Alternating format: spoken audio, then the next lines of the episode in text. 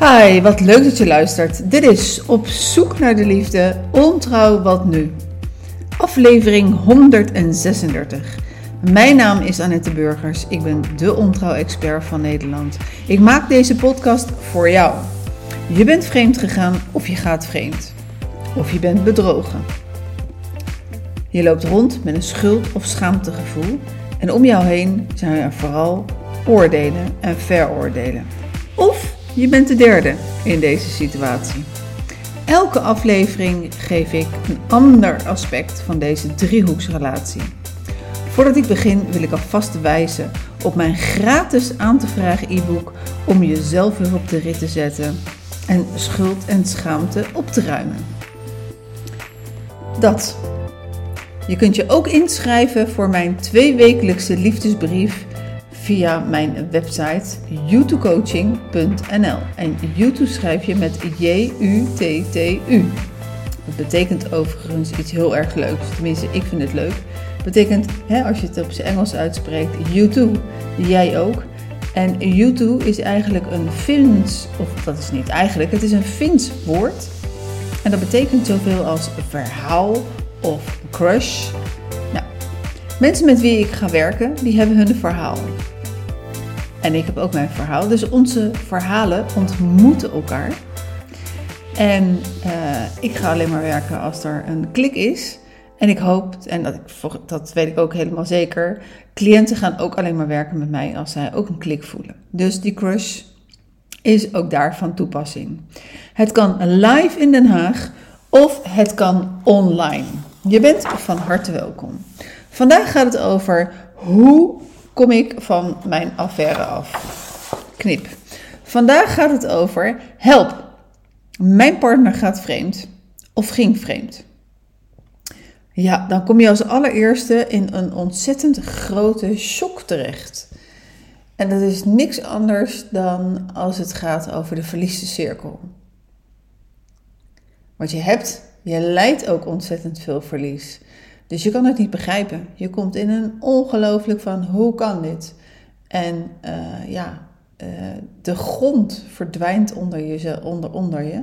En het lijkt alsof je de afgrond instort.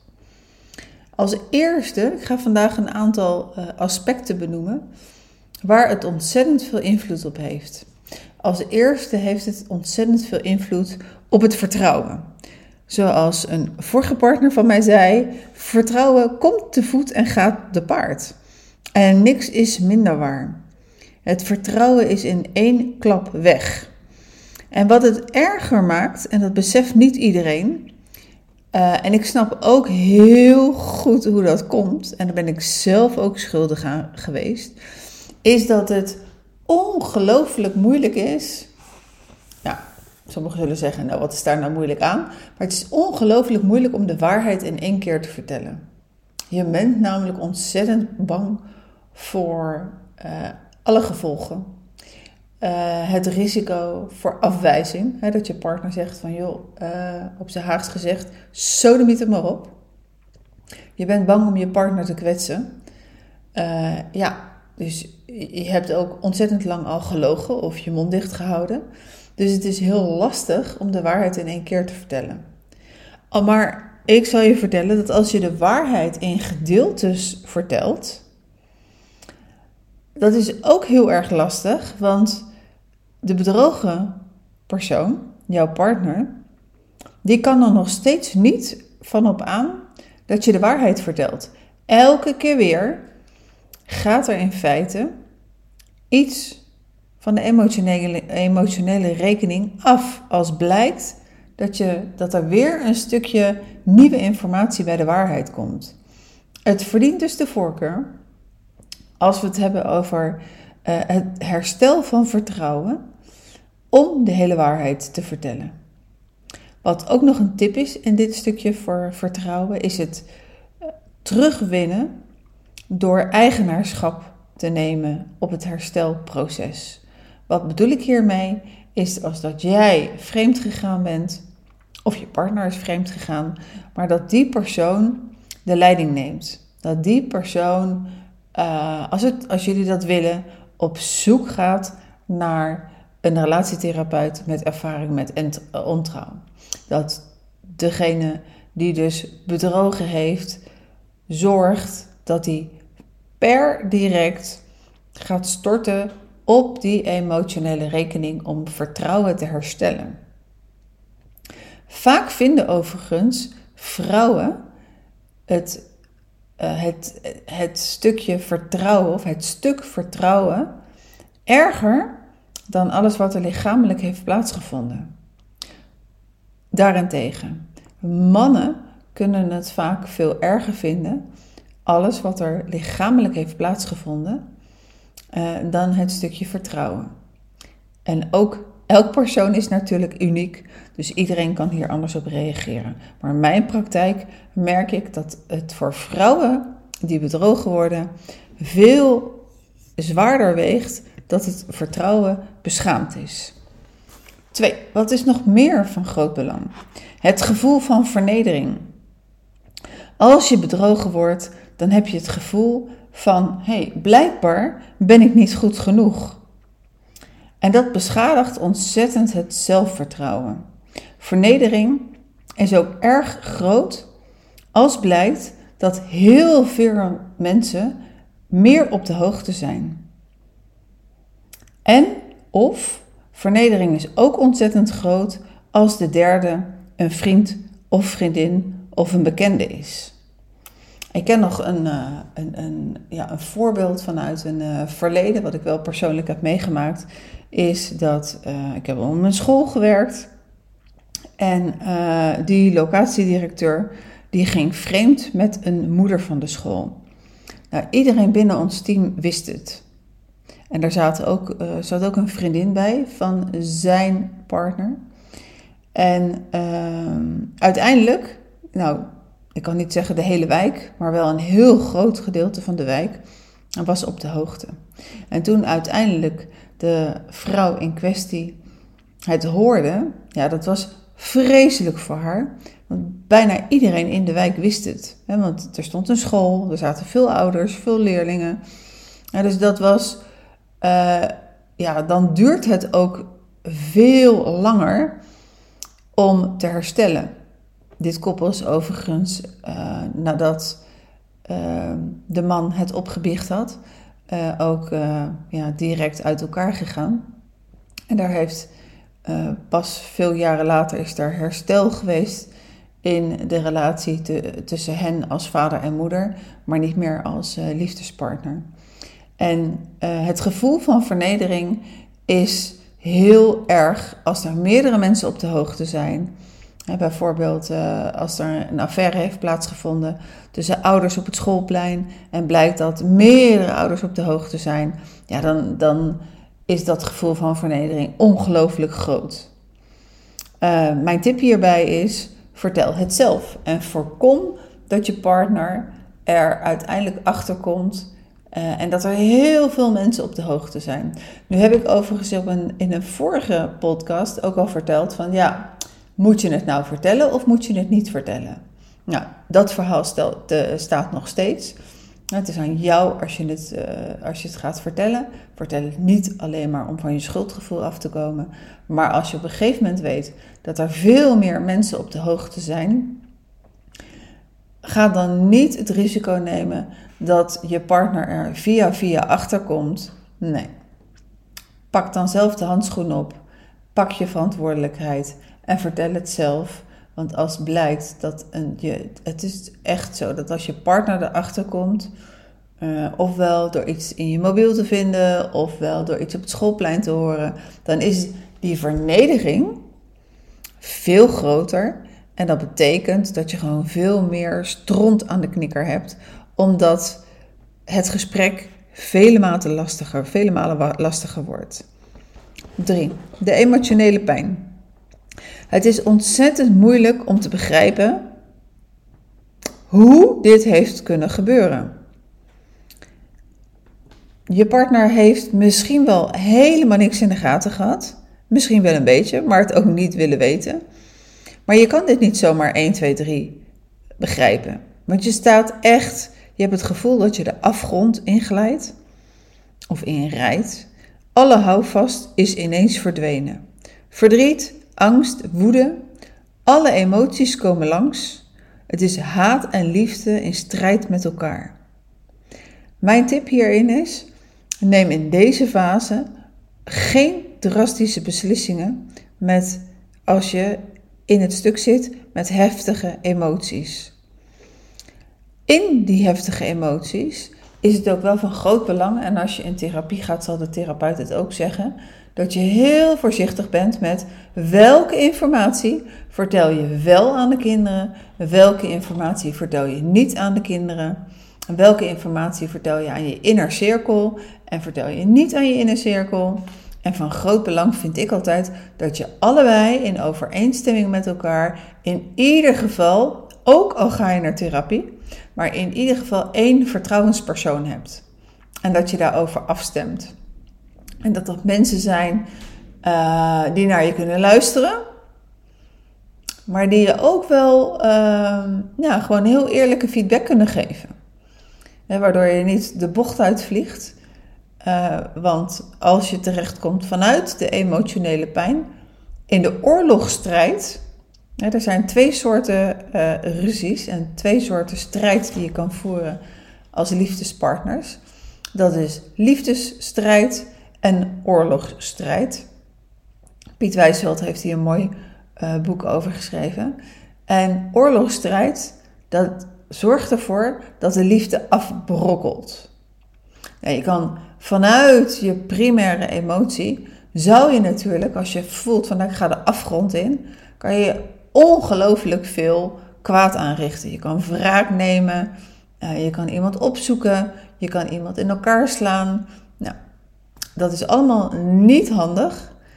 Uh, dat zijn zaken en dat zijn dingen die je dan doet vanuit je primaire emotie, waardoor je direct terechtkomt in de oorlogsstrijd. Wanneer weet je dat je in de oorlogsstrijd terechtkomt? De liefde brokkelt af.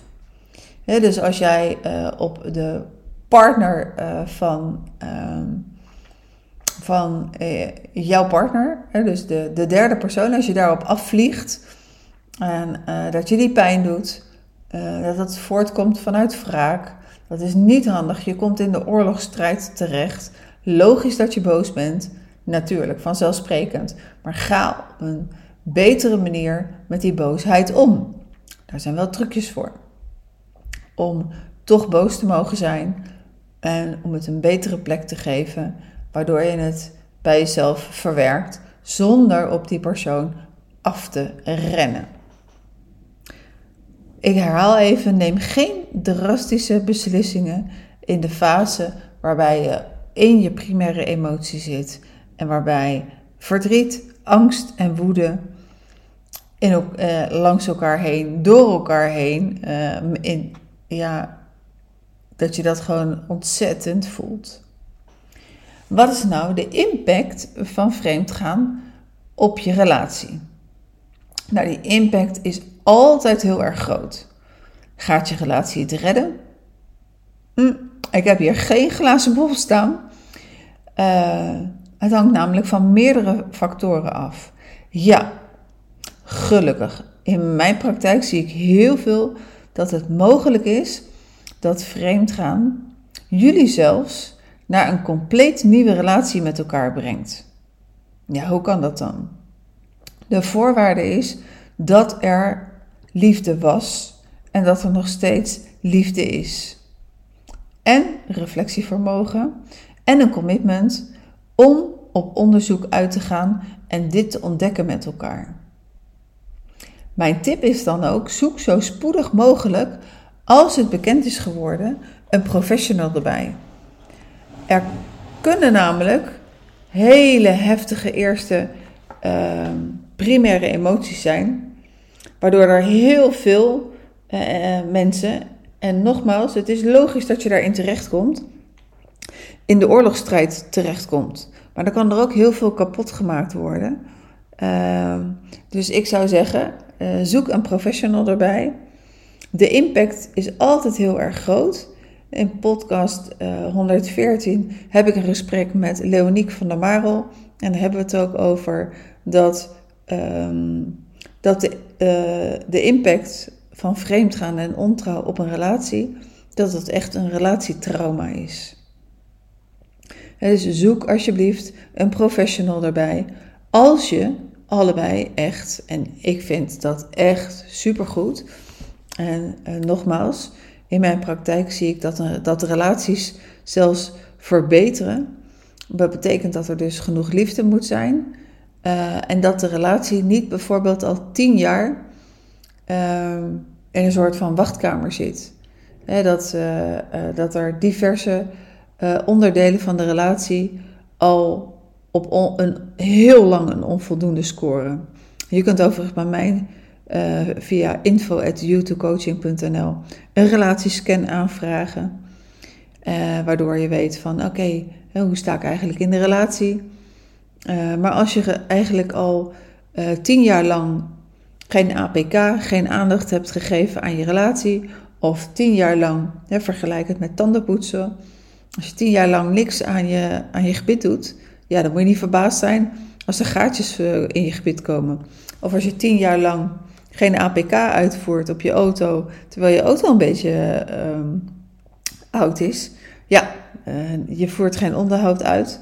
En als je dat heel lang niet doet, dan wordt het wel lastig om de relatie na vreemdgaan te herstellen. Eh, want dan zijn jullie eigenlijk allebei al heel lang in gebreken gebleven. En dan is het blijkbaar geen relatie om, om daar prioriteit aan te geven. Is de basis voor de ontrouw uh, goed geweest en hebben jullie een heel goed fundament maar bij elkaar om, nou ja, om, om door omstandigheden kwijtgeraakt?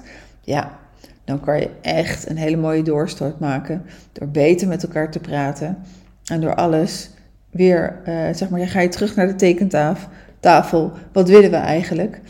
Uh, de pijn verwerken, samen vertrouwen herstellen, samen.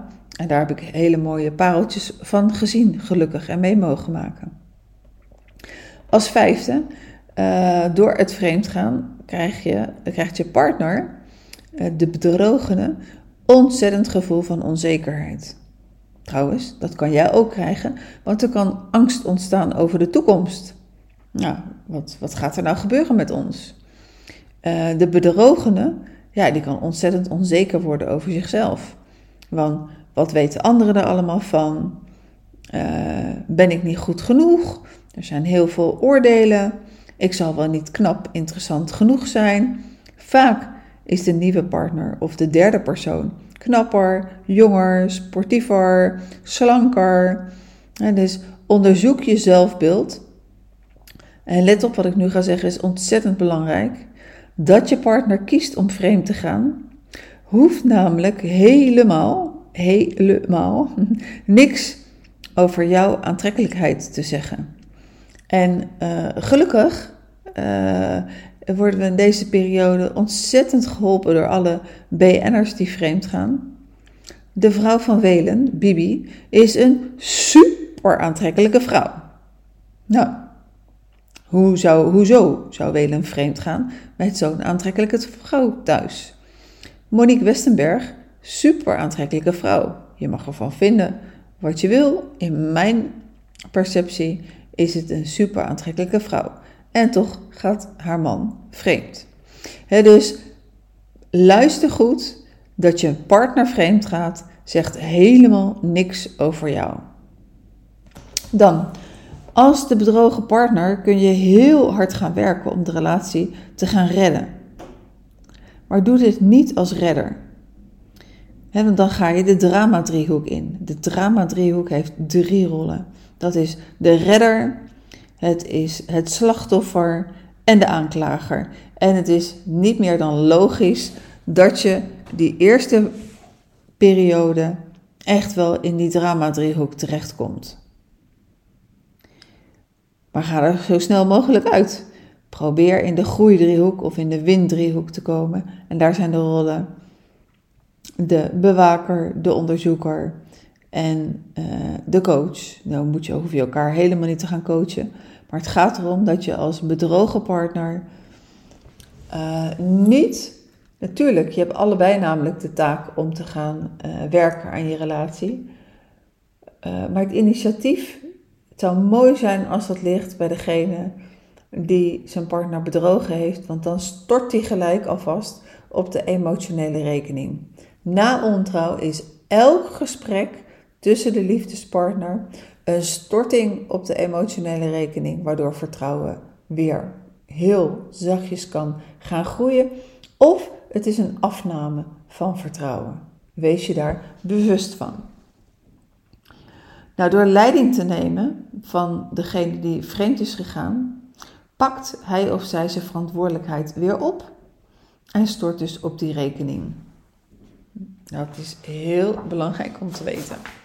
Nou, dit is een uh, korte podcast. Ik ga zo langzamerhand naar het einde toe. Het is natuurlijk altijd een complexe situatie. Ik heb nu een aantal aspecten gegeven op help, mijn partner gaat of ging vreemd. Natuurlijk is dit niet alles. Uh, maar ik zou zeggen, luister naar de podcastserie 1 over ontrouw. Wat nu, dat is volgens mij, is dat serie 5 geweest. En nu zitten we in serie 12 en dan gaat het weer over ontrouw. Nou, als je alle podcasts bij elkaar beluistert, dan ben je, uh, nou, denk ik ook wel een uh, halve expert daarin. Uh, en elke podcast bevat een aantal delen van het hele complexe geheel en een stukje informatie. Um, ben jij nou één, nou, je luistert ongetwijfeld deze podcast omdat je of bent vreemd gegaan, of je partner is net vreemd gegaan, of je bent de derde. En wil jij jouw verhaal met mij delen voor een integer interview, waarbij het niet gaat om iemand te blamen, maar waarom het gaat om het taboe te doorbreken over dit onderwerp. Het is zo ontzettend belangrijk. Er gaan ontzettend veel mensen uh, krijgen met ontrouw te maken. Ontzettend veel mensen gaan vreemd. Desalniettemin is het oordeel en het veroordeel ontzettend groot. Ik heb een missie en deze missie is dat ik het taboe wil doorbreken, dat ik verhalen wil vertellen, dat ik verhalen uh, in mijn podcast wil delen met jou als ervaringsdeskundige om elkaar te inspireren over de liefde. En uh, serie 5, Ontrouw wat nu, hè, die hele serie uh, gaat over ontrouw, maar in feite hoor je ook hoe je ontrouw kan voorkomen. En dat is op een goede manier met elkaar de gesprekken te voeren. Nou, kan ik jou helpen? Kan ik jullie helpen? Neem dan contact op. Het kan namelijk live hier in Den Haag in mijn uh, praktijkruimte, tevens studio voor de podcast. Maar het is in ieder geval mijn praktijk. Of het kan online. En of je nou in heel het land zit, in Nederland zit, of deze podcast wordt volgens mij door Nederlanders over de hele wereld beluisterd. Dus maakt niet uit waar je zit. Een podcast opnemen kan ook via Teams of via Zoom. Dus ook dat kan. Meld je alsjeblieft naar info.youtubecoaching.nl. En nogmaals, het is mijn bedoeling om integere podcast te maken. Niet om iemand te blamen en uh, ook niet jezelf. Uh, om het taboe te doorbreken wat op dit onderwerp zit. Nou, voor nu, dit was een uh, vrij korte podcast, 23 minuten. Ik hoop dat je er wat aan gehad hebt. Heb jij nog niet mijn e-book Jezelf op de rit na ontrouw? Vraag het dan vanavond of morgenochtend uh, of morgen gewoon nog even aan door een mailtje te sturen naar info@youtubecoaching.nl. Wil jij je abonneren op mijn liefdesbrief, dan kan dat via de website. Dan komt er een pop-up en daar kan je je bij aanmelden. Of wil je mijn relatiescan gratis ontvangen? Geef dan ook even een mailtje naar info.youtubecoaching.nl. Heb jij een vraag over vreemdgaan, over een bepaald aspect waar ik nog helemaal niets over verteld heb? Stuur hem dan op. Ik hoor je vragen graag. En wie weet wordt dat het onderwerp voor mijn volgende podcast. Voor nu, dankjewel voor het luisteren en graag tot de volgende keer. Doei doei!